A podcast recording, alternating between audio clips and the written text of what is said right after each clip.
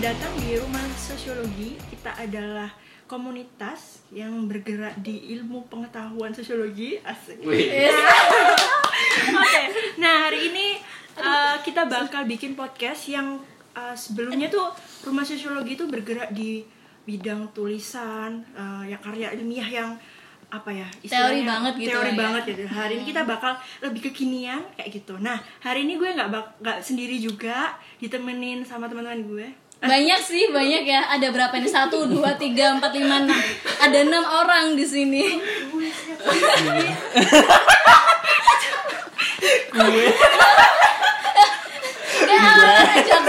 Ya. Gue. Ah, Which Jackson. is literally kita ada berapa? Satu, dua, tiga, empat, lima, enam, tu- tujuh. Oke, jadi yang pertama opening tadi namanya adalah Feni dan aku sendiri Lulu. Silakan kalian perkenalan. Mungkin Reza Halo, mungkin. aku Reza. dan Aku Aldi. yang terakhir Cayu. fun banget sih. Aku Aldi. menarik nih konten podcast lawak Ayo mau kan lenongan. rumah lawak Dan yang terakhir itu itu kan siapa nama Iki. Mas? enggak yang terakhir ini Mas Mas kan Kan narasumber. ya aku Michael ya. Oh iya, aku Andre. Oke. Sip. Dan di sini total anggota yang ikut di podcast kali ini ada lima ya, lima anak.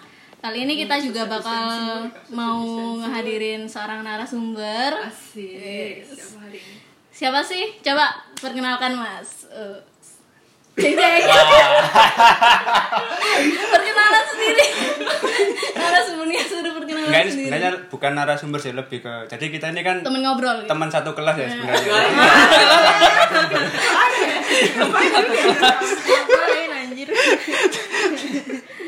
Eh, oke nama saya Dimas jadi sebenarnya ini buat memastikan aja ini kita ini satu angkatan jadi bukan bukan Fitnah. narasumber atau apa ini kita teman sebangku di perkuliahan ya ini ya Panjangan kepala. Teman Bang orang lima. seperkenal. Tumpuk-tumpukan. Oke, jadi kenapa sih kita ngehadirin Mas Dimas di sini? Karena ya di akhir perkuliahan Mas Dimas ini sempat bikin skripsi soal prostitusi ya Mas ya. ya Ya, di mana itu Mas prostitusinya? Nah, jadi eh, untuk tugas yang pernah saya kerjakan, wah, serius ini ya. Saya gawat coba konten. Coba konten ben gak serius. Orang ngomong-ngomong nang kafe. Ben gak serius. Ini Ya, mana jadi eh, skripsinya lokasinya di wilayah Surabaya Barat Hmm. di daerah pasti teman-teman udah pada tahu semua lokasinya. Nah, nanti kalau buat yang belum tahu bisa kontak saya, saya ajak main ke situ nanti. boleh nih Nah, itu lokasinya di daerah Surabaya Barat gitu. Oke, kalau boleh tahu itu ngangkat tema prostitusinya itu tentang apa sih Mas judulnya yang lebih spesifik gitu lah. Nah, untuk judulnya, kenapa saya mengangkat tema ini karena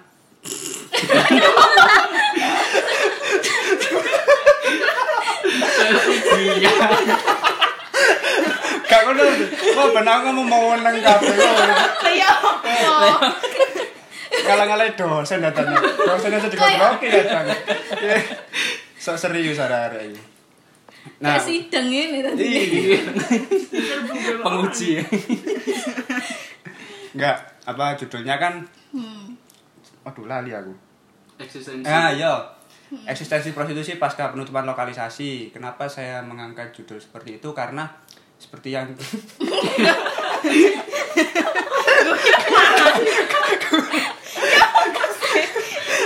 lah ada berapa apa lo mau suara sih Kan lima, ini lima. Gantian, Mas. Masa ngomong kafe? di foto lagi gitu gak justru lu cerita kok nah Gak karena kok. Hmm. Gak Gak dan serius. wow Modelan.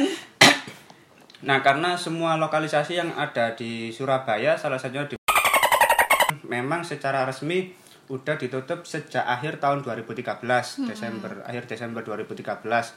Nah, sedangkan dalam prakteknya sampai sekarang eh, proses prostitusi itu masih tetap berjalan namun dilakukan secara terselubung. Nah, karena lokali apa? Karena lokasi rumah saya kebetulan dekat daerah situ.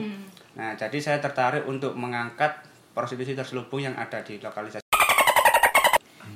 terselubungnya itu kayak kalau aku lihat Doli ya mas ya katanya si Doli Pernah ke itu kan- sana ya? kayaknya ini best ini pernah Oh iya. Aku Kak, Kak Doli kan katae, katae itu kan udah di eh, udah ditutup selesai tapi malah nyebar. Apa sama kayak gitu nggak sih? Itu malah Nah. nyebar gitu nggak sih? Kalau di itu ada dua faktor kenapa praktek praktek prostitusi itu masih tetap berjalan. Yang pertama karena di sana itu kebanyakan PSK-nya juga dari luar kota kan, dari luar wilayah Surabaya. Otomatis ketika ada penutupan dia sumber pemasukannya sudah nggak ada lagi selain dari situ. Terus yang kedua ada juga yang masih melakukan praktek sendiri jadi sudah nggak ikut mami gitu dia buka praktek sendiri di kos kosannya sendiri atau ada yang udah pulang kampung buka sendiri di rumahnya. Anjir, itu ya Iya, toh. sama aja nyebar Iya. dong. Iya, tapi kebanyakan masih tetap di situ. Karena jika dibandingkan dengan Doli ini itu bukan apa? Bukan lokalisasi yang lebih istimewa daripada Doli. Jadi kayak dari beberapa provinsi Surabaya yang udah secara fisik Berkembang. berkembang, sudah berkembang, udah kurang menjual, dia kebanyakan larinya karena secara tarif itu relatif lebih murah. Oh, kayak ada strata-strata gitu ya berarti Iya. ya. Biasanya karena usia, terus karena postur tubuh, itu karena di lokalisasi lain udah jarang dipakai, jadi dia Jarang dipakai. Iya, jarang dipakai karena Wes, iku udah ada- insaf, jadi Oh, nggak iya. pernah dipakai. Iku ada sing transgender enggak? Apa waria ngono mungkin? Oh, kalau di nggak ada yang transgender, jadi pure wanita. Oke. Kira-kira umurnya mas, piro mas? Apa? Umurnya berapa? Eh, kalau ini yang masih aktif kan eh, ada dua gang lah, dua gang dari depan sampai belakang itu cukup panjang, cuman yang masih bertahan sekitar dua gang.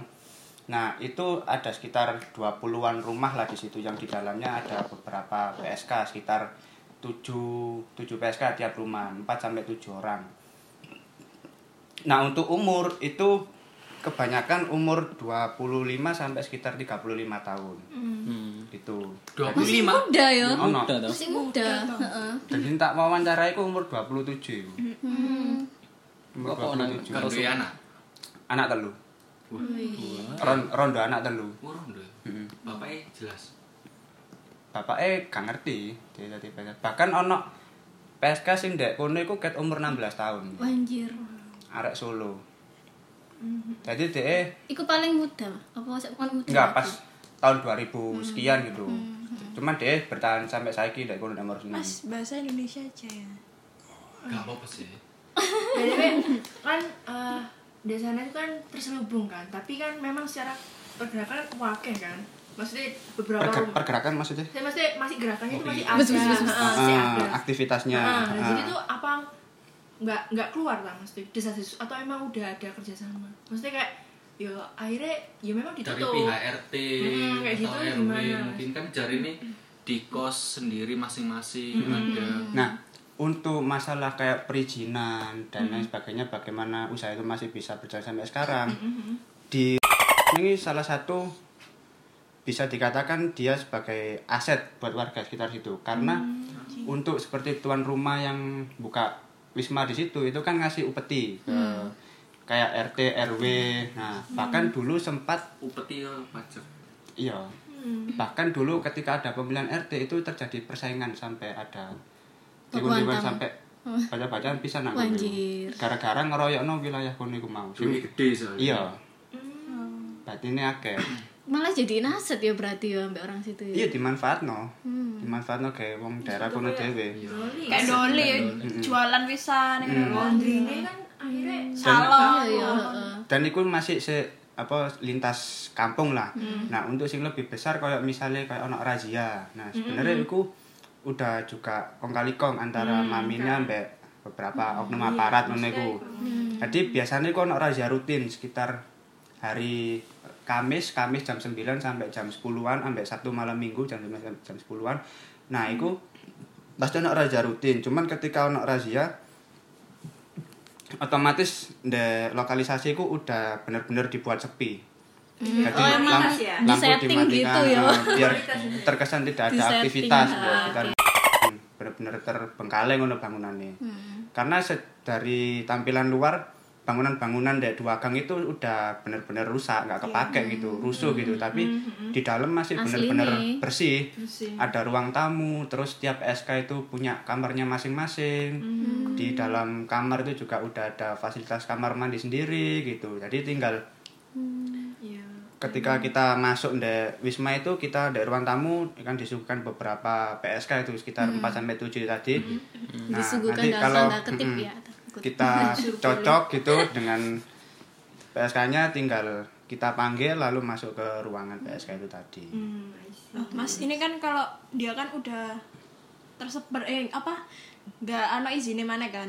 Nah, itu berarti nggak ono biasanya kan ada pemeriksaan kesehatan, berarti Hmm. wis nggak ono pemeriksaan kayak ngono mana Nah, kan? untuk kayak regulasi terkait kesehatan itu karena sekarang udah secara resmi ditutup, dia udah nggak ada. Jadi yang mungkin teman-teman nggak tahu di daerah situ itu udah banyak korban meninggal karena HIV. AIDS gitu di daerah kos-kosan situ. Itu juga sudah banyak yang terjadi. Cuman ya kembali ke tuntutan ekonomi mau nggak mau dia tetap berprofesi seperti itu.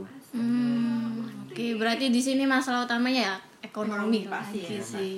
Nah, pasti. Ekonomi Tapi juga. dulu Ekam pernah itu gak sih Dre? Ada temen sing cerita itu loh, kalau dia tuh apa jadi PSK tapi bukan masalah ekonomi. Hmm. Nah, It- itu itu ada nggak sih masing kayak gitu kayak gimana Dre? Jadi kan kalau aku punya temen, cuman ya bukan di sini sih, dia di Semarang. Dia itu eh, nggak su apa jadi PSK itu bukan karena ekonomi, karena dia emang suka melakukan hal itu, Ya, maksudnya dalam tanda kutip. Nah itu iya.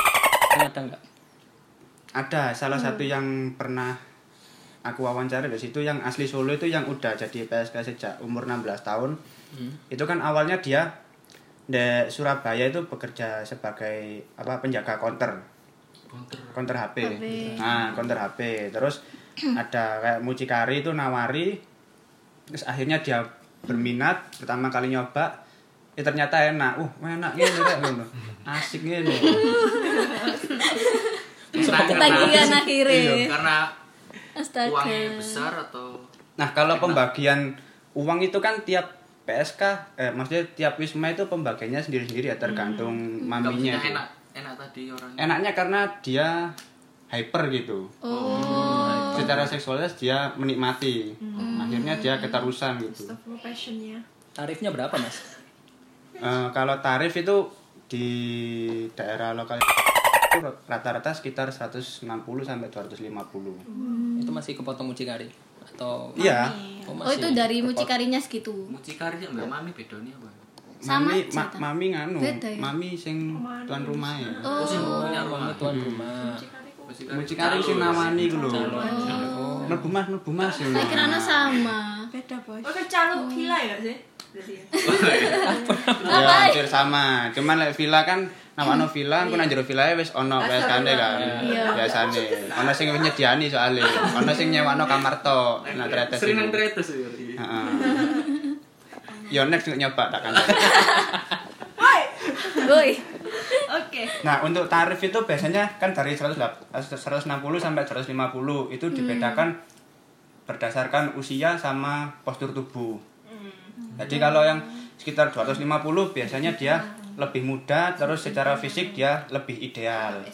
Nah, itu biasanya sekitar 250. Kalau yang kayak 160, 180, paling di bawah 200 itu yang secara fisik udah mulai melebar gitu. Nah, itu biasanya lebih murah dan umurnya sekitar 30-an ke atas lah hampir 35 itu. Itu lebih murah. Itu cewek semua ya, nggak ada yang cowok gitu? Asli, asli cewek. Cuman Asli cewek. memang dia kurang menjual sih di situ. Nah, Mas, nah ini kan tadi kan itu kan kayak aktivitas prostitusinya ini kan masih apa manual ya manual maksudnya Manual. lewat- Bukan online gitu, ah, Hmm. nah, Konvensional. Online kayak micat soalnya. nah, sekarang kan yang VC VCS.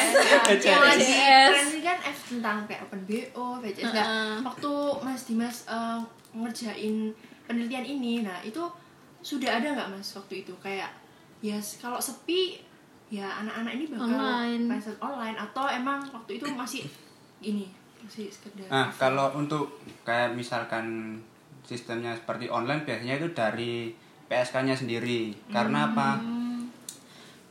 Dari 180 itu kan nggak pure diserahkan ke PSK.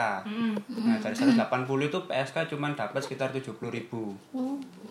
PSK dapat 70.000 terus eh, mucikarinya itu 30.000 ribu. Nah, sisanya untuk maminya. Nah, sedangkan perharinya PSK itu bisa melayani sekitar 7 sampai 10 orang lah. 180 kali 7 sampai 10 1 juta 800 lah ya Nah, itu kalau hari biasa. Kalau misal malam Minggu gitu, malam Jumat biasanya bisa sampai 15 orang per harinya.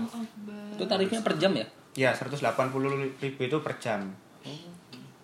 Kalian jam Apa? per jam itu Iya, jadi pernah aku mau wawancara terus langsung kebetulan, ada Enggak, kebetulan ada yang habis Pelanggan. melayani, ya kan? Terus tak lihat kok enak dibuat ngobrol, soalnya pas keluar sama kliennya itu, oh klien tuh. SK pengacara.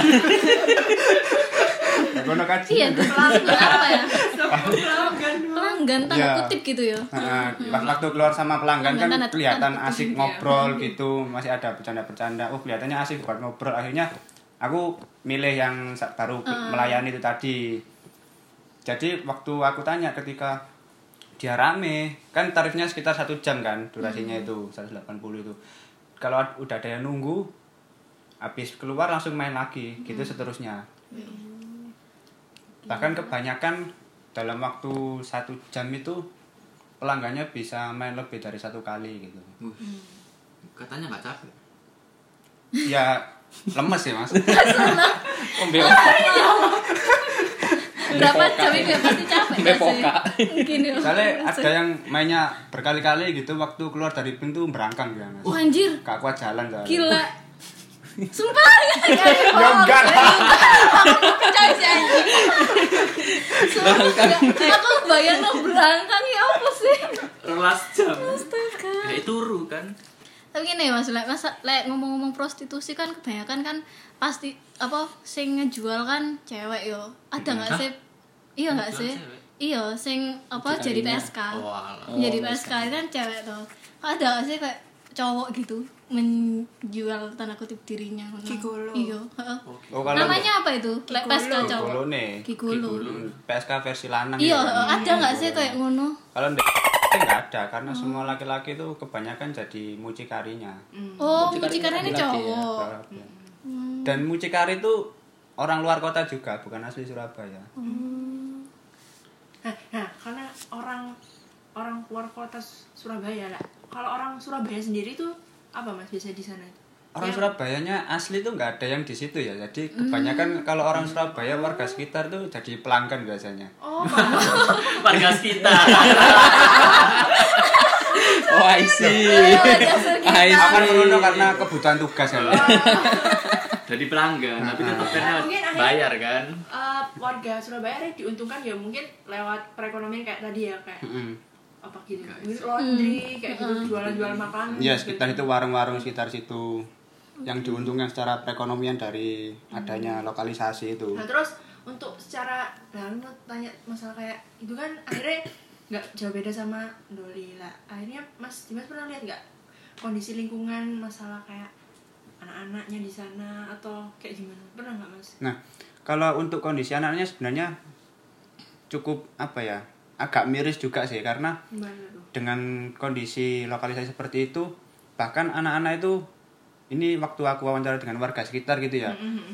Waktu main di daerah situ kalau siang kan memang ada aktivitas seperti biasa kayak ibu-ibu ke pasar, anak-anak Iya. berangkat sekolah. Nah, ketika berangkat sekolah, pulang sekolah, waktu di jalan nemuin kayak kondom gitu habis Oh dipakai. Nah, Di itu jalan, biasanya, Mas? Heeh, dibuat mainan gitu. wow. Terus tanya ini apa re gitu. Cuman kadang ya akhirnya terbiasa dengan benda-benda seperti itu. tapi dia nggak tahu itu apa Ya nggak tahu. Cuman dikira ya kayak balon gitu aja. Iya, agak balon. Sih bahaya kan ketika itu Iya, kotor, masih kotor, masih kotor. disebul tapi ya seharusnya akan disebul tapi ya seharusnya justru dengan mereka di lingkungan seperti itu seharusnya kan ada Edukasi. education Heeh. yang perlu ditingkatkan gitu nggak Ada sih? Nah, kalau dari segi orang tuanya sendiri dia sebenarnya secara, secara pendidikan udah berusaha apa menunjukkan ke Mereka. pendidikan yang lebih benar ya karena lingkungannya seperti itu. Cuman karena lingkungannya seperti itu mau nggak mau dia secara nggak langsung tetap terpengaruh. Karena kan emang nggak iso dikontrol juga. Mesti Mm-mm. orang tua kan iso nang omah, tapi ketika dia nang teman Karena sekolah, ketika berangkat sekolah pun dia lewat daerah situ Iya, juga. lihat juga. Mm-mm, lihat kondisi seperti itu. Kadang ada kayak PSK-nya mau pulang keluar da- dari wisma gitu tank topanto gitu kan uh kok apa menonjol kan sekelas anak kecil kan asing dengan hal seperti itu kan. Jadi akhirnya, akhirnya mereka kayak lihat hal seperti itu Apa menonjol? setengah jam loh. Terus kalau masalah itunya mas ini kan udah ditutup nih. Kalau menurut mas sendiri itu lebih baik ditutup atau dibuka? Melihat kondisinya orangnya kan makin nyebar tuh. Ya. Nah, itu lebih baik tutup apa buka?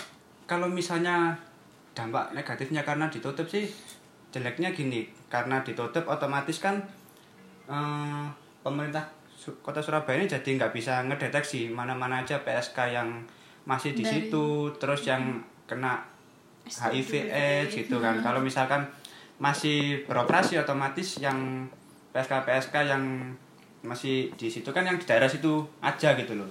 Khusus area mana gitu. Sedangkan kalau ditutup kayak ada yang pindah sini pindah sini itu semakin nggak terdeteksi dan efeknya ketika si PSK ini membawa virus HIV AIDS itu otomatis menyebarkan kepada pelanggannya dan pelanggannya menyebarkan ke yang lain ke yang lain. Karena kan efeknya nggak cepet kan HIV butuh beberapa tahun buat tahu kondisinya. Iya. dan belum bisa disembuhkan juga kan. Sekarang. Mm-mm. Masih harus konsumsi obat Berarti, terus Mas, setuju sih. Aku sih pro dengan? lokalisasi dengan regulasi. Ah setuju. Regulasi sing macam apa, Mas? ya regulasi yang mengatur kayak gini. Misalkan oke lah ada prostitusi di situ. Tapi dengan syarat itu harus ada pemeriksaan kesehatan secara berkala. Hmm. itu dengan batas umur sekian gitu. Terus jam jam apa? Jam Operasional. jam operasional yang dibatasi. Jadi nggak benar-benar membludak. Bahkan dulu waktu sebelum penutupan kan lebih tertata kan. Seperti contohnya di setiap gapuro itu ya tahu gapuro ya? Hmm. nah setiap gapuro itu selalu ada tulisan kawasan wajib kondom oh iya iya Heeh. Iya dah. Jadi ndek kono iku ana tulisannya biyen tiap-tiap gang itu. tahun berapa itu mas Wah, aku masih SD itu, Mas. SMP sih ono. Iya. SMP sih ono sih an. Dadi biyen pas buka iku gak gak full prostitusi ngono dadi karaoke ya nak beberapa daerah kene beberapa sisi ku sing kene full karaoke tok ngono. Iku sing area-area cedek Klakarjo iku. Iku full karaoke sampai mengguri iku full karaoke. Nah sing sisi lainnya iku ancen full prostitusi wisma-wisma ngono iku. Nah, jadi dibagi ancen ono beberapa tempat ngono sing dikhususno. 2008 2009 berarti Iya, zaman-zaman aku SD SMP iku. aku bayangnya kayak kalau misal diatur ya kayak di Belanda itu loh ngerti nggak sing tempat lokalisasinya itu jadi dipusatkan di daerah itu Oh iya, heeh. jadi kalau mau daftar jadi PSK dia itu harus dites dulu. Dites dia itu sehat apa enggak. Ya. terus yang pelanggannya itu dites juga. Nah. Tes bulanannya tuh ada. Nah, tapi akhirnya kan kayak gitu kan memang akhirnya di Belanda kan iki mungkin ya secara kultur atau tradisi kan akhirnya memang Mendukung. diakui lah. Kalau kita di Surabaya hal-hal kayak ngono kan masih sangat Tabu. tabu, dan sangat bertentangan lah dengan agama kalau ngono kan. Masih akhirnya kan ya itu mau akhirnya pergerakannya emang nggak iki gak sih? Akhirnya ya maju mundur maju mundur akhirnya kayak gue mau akhirnya ada yang terselubung Nah. kalaupun diregulasi pun ha itu wah itu bener-bener iki gak sih kayak Ada pertentangan mana sangat kelompok-kelompok Islam mungkin. iya pasti Iya. Nggak pernah ono sweeping, Mas. Tekan. Enggak, jadi kalau misalkan Kelompok kita Islam. lihat contoh apa prostitusi yang udah resmi gitu, itu kan tadi kan yang disebutkan teman-teman di Belanda itu kan contoh salah satunya. Di, Indonesia, di Indonesia pun sebenarnya udah pernah ada yang melegalkan praktek prostitusi. Iya. Jakarta. Salah satunya di Jakarta. Gubernurnya yang resmikan itu Ali Sodikin namanya sekitar tahun 70-an Sampai saiki masih legal Enggak. gak? itu Enggak, gubernur ya. pertama yang melegalkan praktek Di mana prostitusi di Jakarta. Jakarta. Mesti. Oh, lokasi pastinya lupa ya guys, soalnya itu dilegalkan karena tuntutan perekonomian waktu itu dan terbukti dengan Adanya adanya, prostitusi. legalitas prostitusi itu perekonomian di Meningkat. situ meningkat. Oke. Dengan syarat ya harus ada regulasi itu tadi. jadi, jadi tempat rekreasi Iya, jadi wahana rekreasi per minggu Mas- gitu masa Mas, itu ya. minggu main ke Masa situ. itu. tempat pembuangan dosa Iya, tempat melampiaskan nafsu sih. Terus lah misalnya bercermin dari sing Jakarta itu tadi ya, kira-kira di Surabaya ngono iso gak sih, Mas? Eh, kalau mencoba diterapkan di Surabaya dengan kondisi seperti itu pasti selalu Susah. ada pro kontra kan pasti ada yang pengen ditutup untuk mengurangi apa seks bebas seperti itu apa penularan HIV AIDS tapi di lain sisi ada orang-orang yang butuh tempat untuk melampiaskan hawa nafsunya gitu. Hmm. karena selama apa orang masih memiliki hawa nafsu praktek prostitusi itu nggak akan pernah bisa ditutup sampai kapan pun. Iya. Beda kalau orang udah nggak pernah nafsu lihat cewek uh biasa aja ngono Oh, kok seksual ini mas Iya. Seneng ngambil pohon apa Iya, jambu. jambu iku sange Apa sih? delok jak buahe ngono Iya. ditemek patus ya Dre. Astagfirullah Oke, tadi kan udah bahas banyak ya. Hmm. Maksudnya aku sih pingin tahu sih, kira-kira alasan tadi kan udah ngomong kalau alasan PSK itu karena memang tuntutan ekonomi. Tapi pasti kan setiap orang tuh pasti punya alasan, Alasan yang kuat kenapa pribadi. dia akhirnya mau apa ya? Akhirnya bekerja seperti itu. Nah, Sebenarnya ada nggak mas? Ketika proses wawancara itu apa sih mas yang didapat gitu ketika Hmm. ini? apa sih? Kenapa Oke. sih PSK? mungkin ini bisa nyala sedikit gitu? cerita dari latar belakang kenapa dia terjun ke dunia PSK gitu ya Iya, ada salah satu PSK itu yang memang dia ke bukan karena unsur kesengajaan. Jadi sebelumnya dia itu berprofesi sebagai Kok enak sinetron, Mbak? apa itu? Apa namanya? Kayak LC, LC. LC apa itu? Pemandu pemandu karaoke gitu. Oh. Kayak pemandu karaoke di kafe-kafe, cuman di daerah asalnya di Kediri. Oh, I see. Nah, berhubung mau masa Ramadan pada waktu itu, otomatis di Tutup. tempat karaoke-nya ditutup dan dia nggak ada pemasukan lagi karena statusnya si wanita ini dia udah Berkeluarga. Apa? apa? Ronda itu bahasa Indonesia apa? Ronda. Janda. Oh iya, iya janda.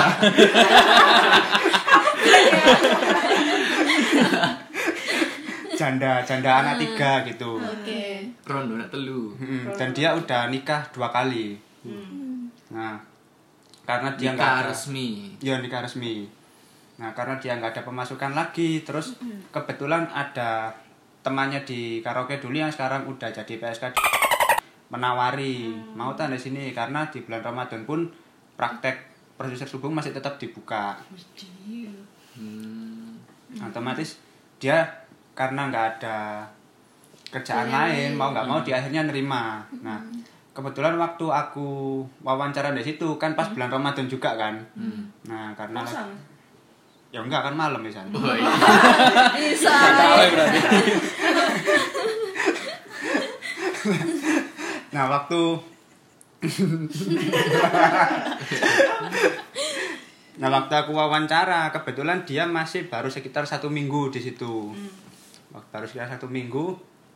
Nah kita cerita cerita banyak. Salah satunya dia alasannya itu karena tuntutan itu terus bahkan dari semua keluarganya pun nggak ada yang tahu kalau dia ke Surabaya itu untuk jadi PSK. PSK itu Nah, nah, nah itu alasan. Alasannya mas. Eh, keluarganya ngerti nggak? Nah, keluarganya itu nggak ada yang tahu. Bahkan yang apa? Karena dia udah janda kan, dan si laki-laki ini nggak ada yang mau mengurus anaknya itu. Dibawa. Iya, jadi semua semua anaknya tiga tiga orang itu dirawat sendiri sama si PSK-nya ini yang asli kediri itu. Itu masih umur 27 tahun itu. Wah. 27 tahun udah janda anak tiga, itu Tiga loh. ya gimana aku nggak? hidupnya? Berarti Jawab. hamil umur berapa hamil pertama? suaminya mantan suaminya Heeh. itu nggak ada yang mau tanggung jawab Ke anake. kau no jadi gak wis kabur aja gak Oh, hilang. ngurusi wis ny- nyeluk pegat nyeluk pegat Iya. jadi setelah eh ini ya jadi ke suami ini dua-duanya salah satu kayak apa ya kayak orang-orang angkatan lah kayak ngono iku Oh, jajan. Eh bukan ya? Apa itu tuh? Iya, kayak Simpenan. Mm-mm. Oke. tapi resmi Iya ngerti ngerti kayak di Loh, Bisa, emang bisa, bisa? bisa. Nggak bisa toh? gak Bisa ya? Siri iso berarti. siri Siri. kan Siri nggak resmi. iya iya resmi resmi agama. Iya, Itulah kelemahan di Iya. Siri. Nah. kan duwe kan duwe kan duwe ya secara hukumnya nganu. kan duwe payung hukum. secara agama memang saya mau kan? Gue nggak maksud. Sing merugikan sih. Kalian udah kayak mendiskriminasi Nah, pasti. terus mari Bisa anak ngeles. Bisa. nggak terus mari ngono ikan wis pernah nikah dua kali. Nah Siri. Heeh, terus anak anak anak sing kedua ikut dia kena trauma otak. Jadi anak-anak keterbelakangan ngono Oh, di umur sing 8 tahun dia pemikirannya kayak masih dua tahun. Nek isok nangis gak isok gak isok ngomong ngono sih an. Nah karena waktu masih berumah tangga ini orang tuanya sering bertengkar kayak gitu gitu akhirnya ngaruh ke anaknya. Akhirnya dia dimasukkan ke SLB itu si anak yang kedua itu. Nah otomatis dia mau nggak mau kan ya tetap harus bisa menghidupi ketiga anaknya itu. Nah terus yang lebih miris lagi ke, soalnya pernah waktu itu kan udah selesai sidang kan udah selesai sidang udah mulai proses revisi. Nah si PSK ini sakit. Lambungnya kumat karena terlalu sering mengkonsumsi alkohol. Nah otomatis dia harus dibawa ke rumah sakit. Nah dibawa ke rumah sakit itu dia WA aku ngubungi aku mas aku sakit tak pengen besok tang ngono. Iya. Nah soalnya karena apa? Untuk di lingkungan situ meskipun mucikari PSK yang lain itu nggak ada yang peduli. di situ kan semua orang dikumpulkan karena sebatas profesi karena tuntutan masing-masing gitu. Bukan karena benar-benar Apa- nyaman dengan pekerjaannya gitu. Apalagi di bidang PSK kan yang ditonjolkan adalah yang paling cantik, paling bagus itu yang Nah, karena sakit itu kan lambungnya kumat itu kan. Dia dibawa ke rumah sakit, hubungi aku sekalian tak besok kan sama temanku. Nah, di situ tuh dia sendiri nggak ada nggak ada yang nemenin. Terus habis itu keluarganya mau tanya terus dia bilang sakit mau datang ke Surabaya buat besok. Nggak dibolehin karena takut profesinya ketahuan. dan dia nggak tahu mau di tempatkan di mana maksudnya di Nepno Nandi ngono lho. Lek keluargane nang Surabaya karena kan dia selama ini di Surabaya tinggal di di. Wisma itu nggak boleh keluar ke mana-mana selain pulang itu tadi. Ya ngerti nggak mas alasan kalau ditanyai keluarganya kerja apa? Pernah nggak? Maksudnya ya apa mas? Dia bakal jawab apa kalau ya kebanyakan sih kayak kerja di kafe-kafe kayak restoran gitu Mesti kebanyakan gitu ya. Nah. jawabannya. dan kalau dari penuturan si PSK sih kalau dia di rumah itu salah satu orang yang tekun ibadahnya. Ya sholat lima waktu gitu ya ikut tahlilan dek kampung-kampung gitu. Tua kalau di Surabaya masih tekun ibadahnya mas gak tahu ya Ya itu kurang tahu juga karena kan kita waktu Iya, wawancara iya di luar iya. jam ibadah ya. Mungkin kalau waktu datang iya, iya, iya, anjir. ada isa ngono. Gak ah, 24 jam wawancarai please Berarti gak terawih itu ya. Gak terawih itu ya. Kan gak metu Mas. Iya siap. Mas Aden, Mas Ayu Mami, Mas. Iya, luar biasa. Oke Eh, baik kan cuma nih dong iya dong eh Mas sing terkait PSK yang dari 16 tahun berprofesi sebagai PSK DE ku pas sampai wawancara iku umurnya piro? Umurnya sik 27 atau piro? Eh, Lah DE ngomong, DE ngomong sing seneng soal maksudnya yang hyper itu tadi hyper ya. iku. DE ngomong iku itu. waktu 16 tahun atau sampai iku Nah, ketika dia umur 16 tahun itu waktu tahun sekitar 2007 2008-an gitu. hmm, Dia awal kali terjun ke dunia PSK itu di Wisma Mandiri yang pertama. Itu Wisma Mandiri itu salah satu wisma yang besar itu. Di pinggir jalan depan pasar Sememi itu. iya paham. paham. Itu parkirannya isinya mobil tok waktu itu. Nah, jelas no nah, cuman ketika saya mau wawancara ke salah satu PSK yang ini yang hiper ini itu saya cukup kesulitan. Karena ketika saya udah masuk ruangan dia itu berusaha menggoda-goda saya untuk membangunkan hawa nafsu saya itu. Oke. nah. Oh, berarti kalau wawancara itu di ruangan ya mas ya? Ya, iya. jadi kita kalau mau wawancara. PSK mau nggak mau harus Nah, iya. berperan sebagai pelanggan, pure jadi pelanggan nggak bisa. Aku mau garap skripsi. Nilai PSK ini kok wat kepuk ya pak wong itu terselubung ya Oke. Masaknya sampean ya apa iku, Mas? ah Pasti nggak ikut gini gini ceritanya tuh gini Orang kayak intinya. ceritanya tuh gini awalnya kan aku mau wawancara itu sebenarnya juga takut karena Wes sok polos nih. Iya. Karena dari aku lahir di situ sampai sekarang itu sebenarnya nggak pernah keliling ke daerah situ gitu. Takut itu karena apa maksudnya? Ya kita sebagai lelaki yang imannya kadang terombang ambing gitu mas. Emang nggak punya iman kayaknya Akan ada masanya kita tidak bisa menahan diri kan karena itu aku cukup takut gitu. Nah cuman karena tuntutan akhirnya aku beranikan diri sekitar jam 11 malam itu sendirian kan ke situ dengan modal keberanian sama bawa uang itu 100 eh 200 Mbak, bawa 200 itu terus habis itu datang nah pas masuk kan gelap kan di situ kan saya dicegat sama mucikari itu wis. Kamu mau ke mana? mucikarinya ini asli Tuban Wis. Nak ke mana? Kan itu Itu kan biasa ya. Tuban Tuban. Oh, dan udah kayak- di situ mulai tahun 2006 Wih. Mucikari senior. Ket babat alas sih wis coro. nah si- seniran sampean. Songo enam ya. nah habis itu dicegat. Bos kan pengen jajan nah gitu kan biasanya biasanya nah terus habis uh buka lah bos ngono. Si ono ta ngono. Pura-pura gak tahu kan. Nah habis itu ono wis ndelok sik ae gak apa-apa engko gak cocok ganti maneh ngono. Coba sik ae. Ya wis turun dari peda kan tak jaga set Tak tanyai peda mana bos santai bos tak Revo nih." itu. oh iya Revo. Jangan. revolution itu Joko, kotaknya gak. Revo berjuang. Habis itu masuk kan, habis kan dari luar kan tampilannya udah lusuh, nggak nggak terawat gitu kan bangunan, tapi dari dalam padang gitu, ruang tamunya bagus, ada sofa, iya rumah, rumah, rumah gede-gede gitu. Oh iya, gak tau ngerti aku. Nah habis itu nanti malam aja. Nah habis itu masuk ada kebetulan ada empat orang dari situ, ada yang dari Tulung, piro yo? hah? Sing gang piro? Gang siji loro.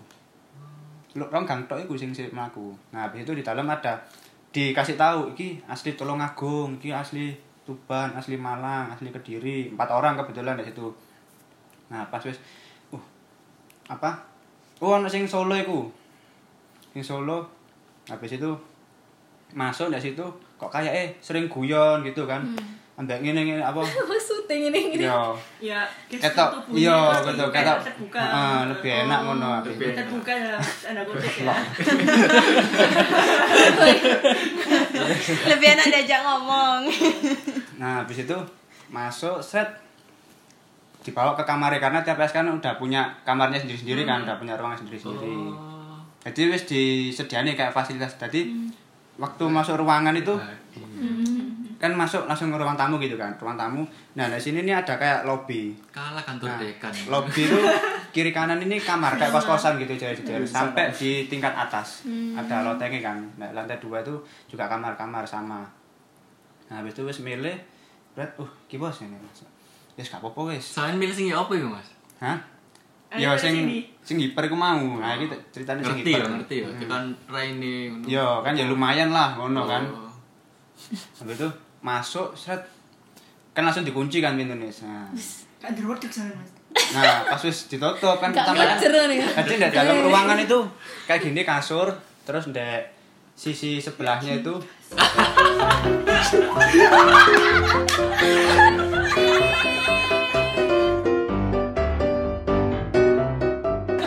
kabar ini sing sakurunge. Eh, kamu mau lanjut ya, Nah, jadi waktu kita udah masuk ke kamar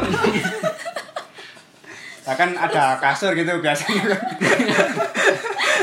Ada kasur terus di sebelahnya itu ada kursi sama meja dua kursi sama meja. Kan aku masuk duduk di kursi. Nah terus kan PSK-nya masuk. Hmm. nah PSK-nya masuk pintu ditutup langsung dikunci. Jebret. Wah kaget kan dengan siapa apa ya apa bre? Sekarang kok mana lah?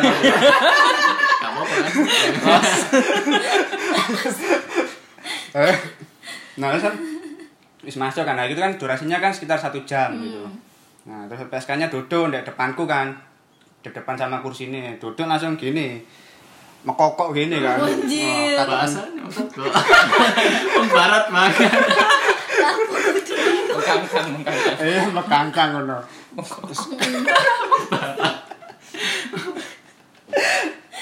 Kata nyuaprut. Nyaprut. Nyaprut. karena terus kataan pendek kan sama baju ketat gitu kan. Kasur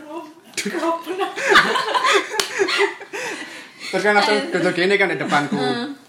Habis itu bilang eh mas langsung apa pemanasan dhisik un uh oh lo Yang apa Mana pemanasan ya? push up. apa Mana pemanasan nih? ya paling Senam. pancing pancing Aerobik. Apa ya Kadang-kadang kan- ya? apa eh us waduh aja mbak ngono Apa pemanasannya mas biasa?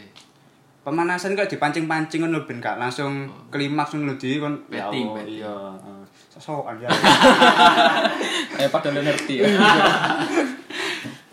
nah habis itu gak apa-apa mah nah tanganku kan dipegang ini langsung seret ini Wis. Oh, aku aku kan langsung kaget kan. Astagfirullahaladzim sampean ya. iya orang ini wis mbak sih mbak ngono. Habis itu kenalan saya mbak? ngono. "Oh iya. Apa? Fitri ngono. Umur? umurnya gak kurang takut berapa? iku mana dia cerita Instagram. mau. Ada ngono. "Eh, mbak aku aku omong-omongan pengen cerita mbak. Aja ngono oh ah mas gak apa-apa enak enak ngono. Kan aku gemeter gemeteran kan gak siap ngono. Habis itu Gak sih. Baru kadus ngomong aja. Tak selingi sambil rokokan gitu biar ngilangin groginya. Pas rokokan pun ya rokokan gitu-gitu soalnya kan yo wedi lah maksudnya wedi kan. Soalnya kan anjir nggak dari awal nggak pernah ke situ. Jadi eh, jarak lokal sama rumahku ini kayak bed. Bukan jauh. kok. sisi-sisi yang berseberangan Di gitu loh. atas. Mm. alim deh Nah, daerah kan eh, sing Pasar. bersih kan iya. Itu kan daerah sing nggak ada lokasi nah itu ya daerah seberangnya itu. Jadi cuman dipisah jalan. Itu kan nama jalan itu kan? Oh, nama jalan. Nah, nama jalan. Nah terus dipegang gini uh ah, gak berani ya nak tak tarik. Coba coba harus cerita Coba, gak coba. Apa- Wis gak apa-apa mas. Ayo nyoba. Enak-enak ngono. Gampang wis lu gue iki sampean tak tahun rokok Loh, mas aku di rokok gini di rokok dewe kan rokok apa? Melbu. men kak sampurna mentol itu Oh. loh nah akhirnya cerita titik-titik ngono. Tapi yo ngene kan kate takok-takok yo ini terus ngene ngene cuk. Dia paling merasa bersalah lek gak di yo nganu yo dia dasare yo seneng masalahnya cuk. Dia Iya.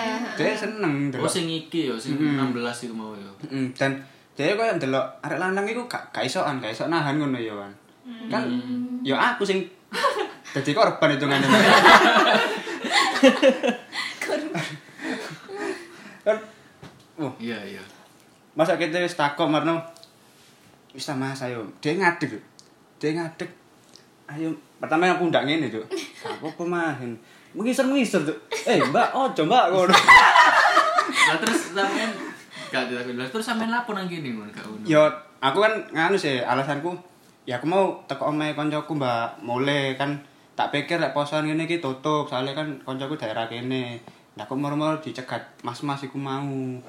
Oh mas iki ta sing mucikarine iku mau. Iya marno setawani ya aku kan gak tau mbak. Yo nyoba pengen ro dadano oh nang jerone kok ngene ngono. Tapi yo gak pengen sampai main ngono soalnya aku gak ono niatan. Terus nang kene cerita gak apa-apa aku tetep bayar. Wah, mas lek sampean gak main ya gak usah mas. Aku gak penak karo sampean ngono. Apian ya berarti yo. Ya, si apian tapi yo. Kan tapi kok mari ngono. diwawancara tanpa. soalnya kan ono durasine lek misale durasine wis entek iku ditelepon karo mucikarine oh Lah, wis oleh sak jam ngono iku. Marno kan amben delok HP ngene Mas iki wis katen lho sampean temen ta? Gak apa-apa wis. Grepe-grepe gak apa-apa wis. Di mana sampean gak oleh apa-apa ngono. Uh wis gampang wis aku entek nyedot entek nyedot ngono kan. Terdek itu ya. iya.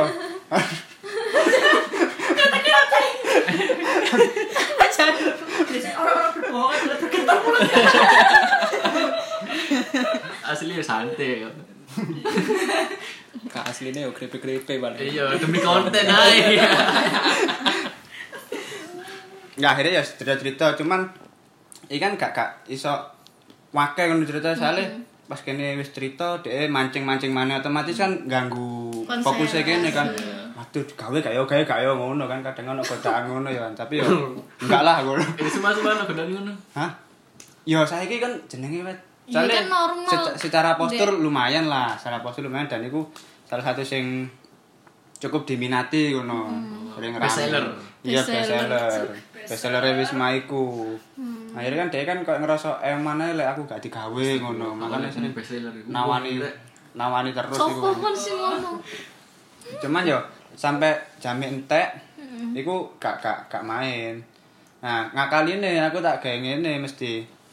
Kan wis dihubungi kan karo mucikarine Hmm. nah di sebelah kasur iku ono kaya kamar mandi ngono kamar mandi tapi gak ruangan dhewe ati kaya ono dinding sak menit tok terus sebelah ono bae ngono ambek cedok ngono marono sik sik Mbak tak terus terus sih katokku ben ketok mari main temen ngono Lah apa sampean ngono? Hah? Ya ben ketok mari main ambek mucikarine. Lek Kan gak- lek lek. Lek ngono apa? emang? Apa? Lho iku gawe ngepek atine ben aku iso Gimana? cidek karo mucikarine ngono. Mari ngono. Wah lama sampean niki lucu ono-ono ae. ngono. Oke oke oke. Ayo, wis tak ciprat-ciprati ngene kan, pokok ketok teles lah ngono, ketok mari metu ngono kan. Wis, mari ngono. Bayarin nanti, Mbak. Bayarin nak, Mas. Iku ae mau ngono. Wis mari metu. Apa mucikarine ngenteni ruang tamu. Ruang tamu, aku pura-pura menggos-menggos. Wah, enak bos. udah. Masa lah. Iya. Harus ya itu ya. Harus ya. Actingnya loh. Harus gak coba temenan niku. Demi demi ben percaya ngono lho maksudku. Lah apa dia gak cerita sing enggak ya? Apa? Gak cerita nang. Enggak. Nah, mari ngono. Wis menggos-menggos. Uh, samane kok sampean powegel Mas. Iya, Bos. Gak tau ngene ngono, Bos. Ya mau lari-larian sih ngono nak ngarep ya. Coba sana. Erang atus kan, dikasih sesuk 15, soalnya 5 parkir. Nah, ngono. Di luar itu kan ada kayak beberapa mucikari lagi ngobrol sama para pakar sama minum-minum. Nah, kebetulan itu lagi bakar telo. Nah, habis itu ngobrol-ngobrol di situ kan tawani pertama tawani minum lho bos be pengen ngelak ngono wis bos ngono aku sanggup ngombe kan aku sanggup minum ya kan nah habis itu Tertib ya sama minum. Sama minum. Iso sing Lah, iya. master. Langsung itu. Tapi dia paham ya. dia. Aduh. cuma kan kan gak gak suka alkohol gitu kan cuma tak lihat uh makanya norek iku ya, bos elone bos aku luwe mari manu ngelak ngene luwe ngono ya sih gak apa sampean joko ae ngono akhirnya aku ngambil telo ambil ngobrol-ngobrol cerita-cerita akhirnya kan tahu kalau mucikan udah lama di situ terus maminya nih siapa siapa gitu. Cuman maminya nggak nggak tinggal di situ. Cuman biasanya beberapa kali aja ngambil setoran kayak gitu sambil ngecek gitu. Nah habis itu ngobrol lama sampai sekitar jam apa setengah duaan lah dari situ kan. Aku datang jam sebelasan ngobrol lama habis telo tigaan lah dari situ. Kenyang. Ya. Heeh, terus pulang habis itu kan. Terus tahu juga ternyata kenapa bisa berjalan sampai sekarang itu karena ya ada kong kali kong dari oknum-oknum aparat itu. Bahkan pernah aku waktu kebetulan dari situ nggak nyewa PSK cuman lihat niat nongkrong aja biar lebih akrab aja dengan mucikarinya di situ ada salah satu oknum yang datang ke situ terus bener-bener dijamu. Sampai sekitar jam 3 itu. Wedel. Jadi Biar kerjasamanya makin Ha-ha. lancar ya Jadi mas ya. langsung bener-bener di ya di seneng orang di seneng mas? satu orang di situ satu orang Situ padahal. dan saya bikin lucu ngene kan ini kan sudah tahu kan salah satu oknumnya gitu nah waktu kalau siang gitu aku pernah nggak sengaja ketemu dia lagi ngatur jalan Ngatur jalan. Terus, terus. Ya, berarti tahu lah ya. Badan. Instansinya Jalan tahu berarti. Hah? Ya ono lah nek nek cedek omah kono. Wah, tak kira Nah, daerah kono nanti pas kate budal kuliah ngono iku. Yo, iki lah. Wong Si wingi. wingi nane bengi-bengi celeng iku. Jalan. oh, jalanan mudun primo begitu ta. Apa? Kudu kudu dalan kono. Di pertigaan di. Apa? Pertigaan di. Daerah cedek kono lah. Cedek masjid. Oh. Kandangan. Heeh. Jam bukanya jam berapa, Mas? Apa nih? Jam buka operasionalnya. Jam operasional itu sebenarnya pagi pun itu ada loh sinawan nih. Pagi. Pagi itu jam soalnya kan aku kan pernah bikin video kan ngambil apa spot-spot lokalisasi gitu kan soalnya kan lagi padang kan kalau pagi habis sahur terus setelah coba gitu kan nah Oh, sebagai orang muslim yang baik gitu. Habis itu sekitar sahur tok gak sholat. habis sekitar sekitar jam enaman gitu setengah enam aku kan datang ke sana ngambil beberapa gambar gitu. Terus waktu duduk di warung ada orang namanya golek cewek tak bos? Isu isu wis nawani Seisu, Bos. nawari pecel ya. Pecel, pecel, pecel.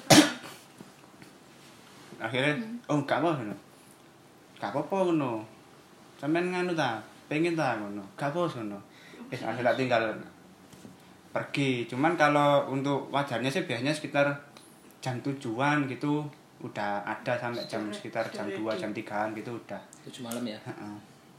Terus itu satu lokalisasi itu ada berapa orang? Kan tadi ada kamar-kamarnya tuh. Itu ada berapa kamar? Nah, itu tiap wisma itu kan beda-beda kan ya.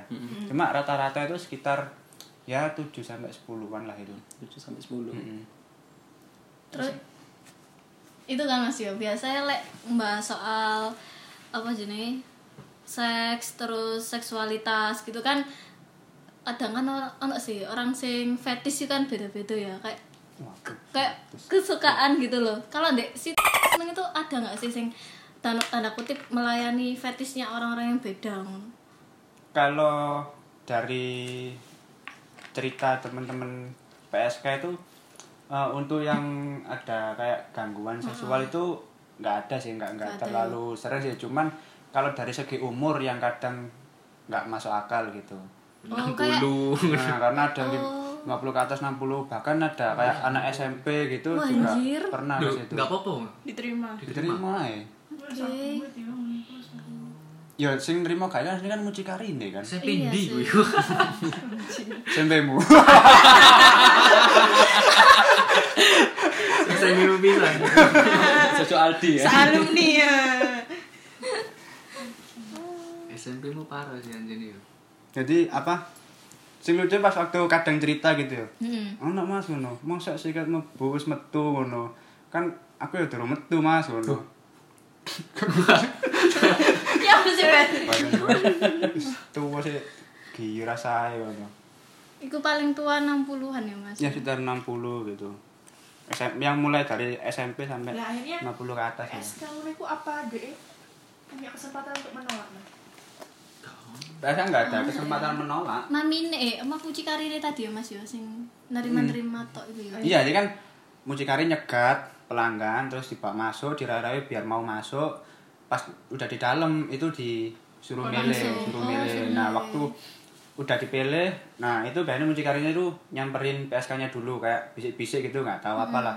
Coba aja, coba aja gitu. Karena kalau misalkan si pelanggannya nggak cocok, kan ditawari kalau lima menit nggak cocok itu bisa ganti nggak usah bayar. Oh.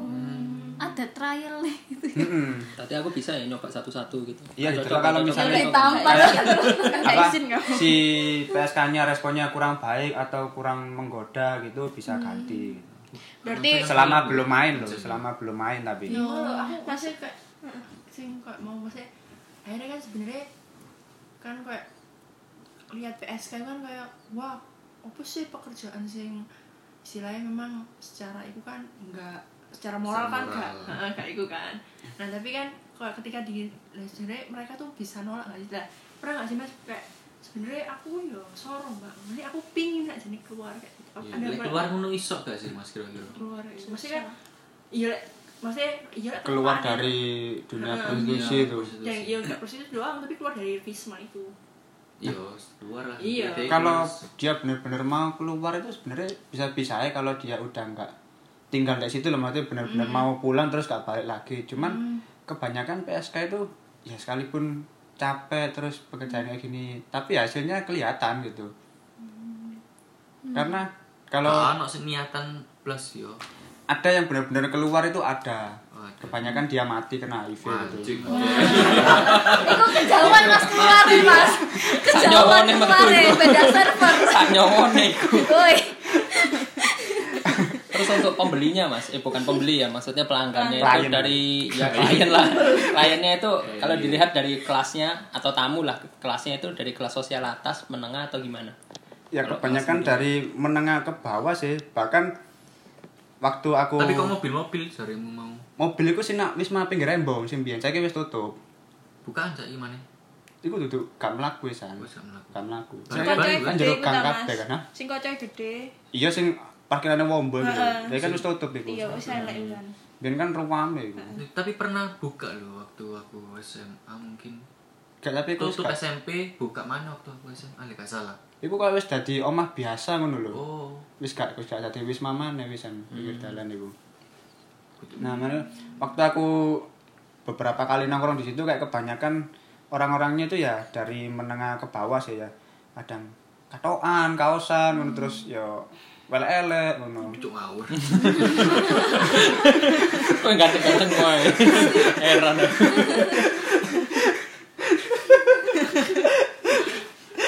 aku. adus, gak adus. dan dan itu nggak sendiri gitu loh maksudnya sing datang itu kayak dari teman-temannya dua orang tiga orang bahkan ada yang rame-rame gitu masuk dari rumah kayak cari sing cocok terus keluar lagi cari lagi. Nah habis itu Oh, ada sing iya. ada sing cocok ngono waktu keluar wisma berkurang gumbulannya gitu. Jadi si ada sing main ngono sing si golek liyane ngono. Loh, Mas itu dia itu boleh nggak satu PSK itu berdua gitu. Urung. Enggak, ya trisam apa dia misal Oh, dia iya, punya sesuatu Oh, iya. ta. Aturannya oleh gak ambek Ada aturan khusus nggak apa bebas sakar kalau aturan sih ke- selama yang aku tahu mesti selalu melayani satu orang sih Satu-satu gitu satu ya orang sih selalu melayani Hmm. soalnya mungkin kalau misalkan eh, dua orang sekaligus ya kayak kasihan ke PSK-nya juga kan terus habis itu untuk tarifnya kalau sama kan ya juga capek di PSK-nya jadi selalu setahu selalu satu-satu sih Hmm. di situ gak pernah kayak trisam gangbang gitu. BDSM. uh BDSM green. Tali-tali gitu Mas. Iya. Nah itu sing tak maksud sing tadi itu. Gak ada sih. Gak pernah sampai kayak gitu. Mungkin kalangan ke atas ya. Iya, bukan dengan atas. Iya iya. biasa soalnya kalau yang di situ tuh yang penting wis main pulang gitu banyak. Kayak melampiaskan iya gitu yang ya. apa pengen tapi nggak keturutan gitu. Jadi dateng milih pulang. Wong kadang lek milih apa ditawani gitu. Sakarep kawan sing mas ya bos. Apa? walah bos yang podo ngene ngene ngono. Oh. wong ya podo enak enak ngono. Coba ae ngono. Ya tapi kan kadang itu kan selera kan. Cuman ada orang yang nggak mikir siapa perempuannya yang penting main gitu. Kali rata-rata kayak gitu. Gak mikir sopo ae, sing penting main. Heeh. Kan delok kan delok fisike ta ya apa ngono pokok. Uh ngono. Tapi dari mucikarinya sendiri itu ada itu nggak dikasih tahu nggak ini yang ini ada HIV-nya atau ditanyain dulu lah pelanggannya ini ada HIV apa Nah. enggak kayak gitu? Ketika pernah aku nyo- nyoba iseng-iseng nanya. Ya bos ngene iki kabeh ngene iki aman ta bos? Wong-wongane ngono. Pas udah beberapa kali nongkrong di situ kan. Hmm. Soalnya kan ya aku tahu inginannya main mrene bos. Soalnya kan Dek aku pengen main maneh dadakno ono lorong ngono kan. Hmm. Wah, kowe wedi bos ngono. Soalnya aku yang niatnya pengen langganan nak kene. Langganan premium. Member. Member Member khusus. Oh, kamu aman-aman wis santai wis diurus karo bose ngono. Aman-aman gak usah kuwatir. ngono. Cuman untuk lebih terbukanya lagi alasan bener-bener aman itu dari segi mananya itu nggak nggak nggak bilang dia. Oh, Apakah memang ae. bener-bener ada pemeriksaan rutin gitu, pemeriksaan kesehatan itu nggak nggak nggak mau bilang. Cuma untuk sebatas meyakinkan pelanggan aja gitu. Itu wajib kondom nggak? Nah, wajib untuk kondom itu udah disediakan sebenarnya sama PSK. Jadi waktu 180 kuwi include ya. ya include room sama kontrasepsi. Wong mek terus tangane di. Iya. Tapi tukune sing ngisi, Mas. Apa? Berat tuh ngono isin. Mas disediain berarti ya. Iya, jadi ada enggak enggak wajib. Oh, bebas ya. Bebas mau pakai nggak apa-apa, nggak pakai nggak apa-apa. Sebebas-bebasnya. Lu ada dalam nggak apa-apa, dari luar nggak apa-apa. Di dalam enggak apa-apa. Hmm. Biasanya wis iku kan deh. Kontrasepsi ya. Iya. Iya. Di Pil. Dalamnya. Jadi dek meja kan udah disediain yang kerdusan gitu, udah banyak stoknya gitu. Wis kertusan. Kalau mau pakai tinggal ngambil aja gitu. Jadi udah udah disediain dari situ. Disponsori kondom. Jadi secara aman itunya masih belum ada ya kesehatannya. Iya karena nggak ya. benar-benar mewajibkan pakai. Bahkan PSK-nya sendiri yang menawari. Sampean nggak ya apa-apa nggak nggak apa-apa. Oh, berani ya. Iya. Wah, Wong tenanan jere gelem kok nawani kan. Ya enggak, tapi kan kena Resikonya. Nah resiko. justru itu kan sing bikin kita berpikir Was-was. ulang itu apakah benar-benar sehat apa enggak ini PSK PSK di sini itu. Kan jadi pertanyaan itu. Ojo ngeri juga ya. Sedep Berapa sedep. berapa berapa apa wanita sing mbok parani, Mas? Perempuan. Berapa? Dua toh. Dua itu bayar di. Kan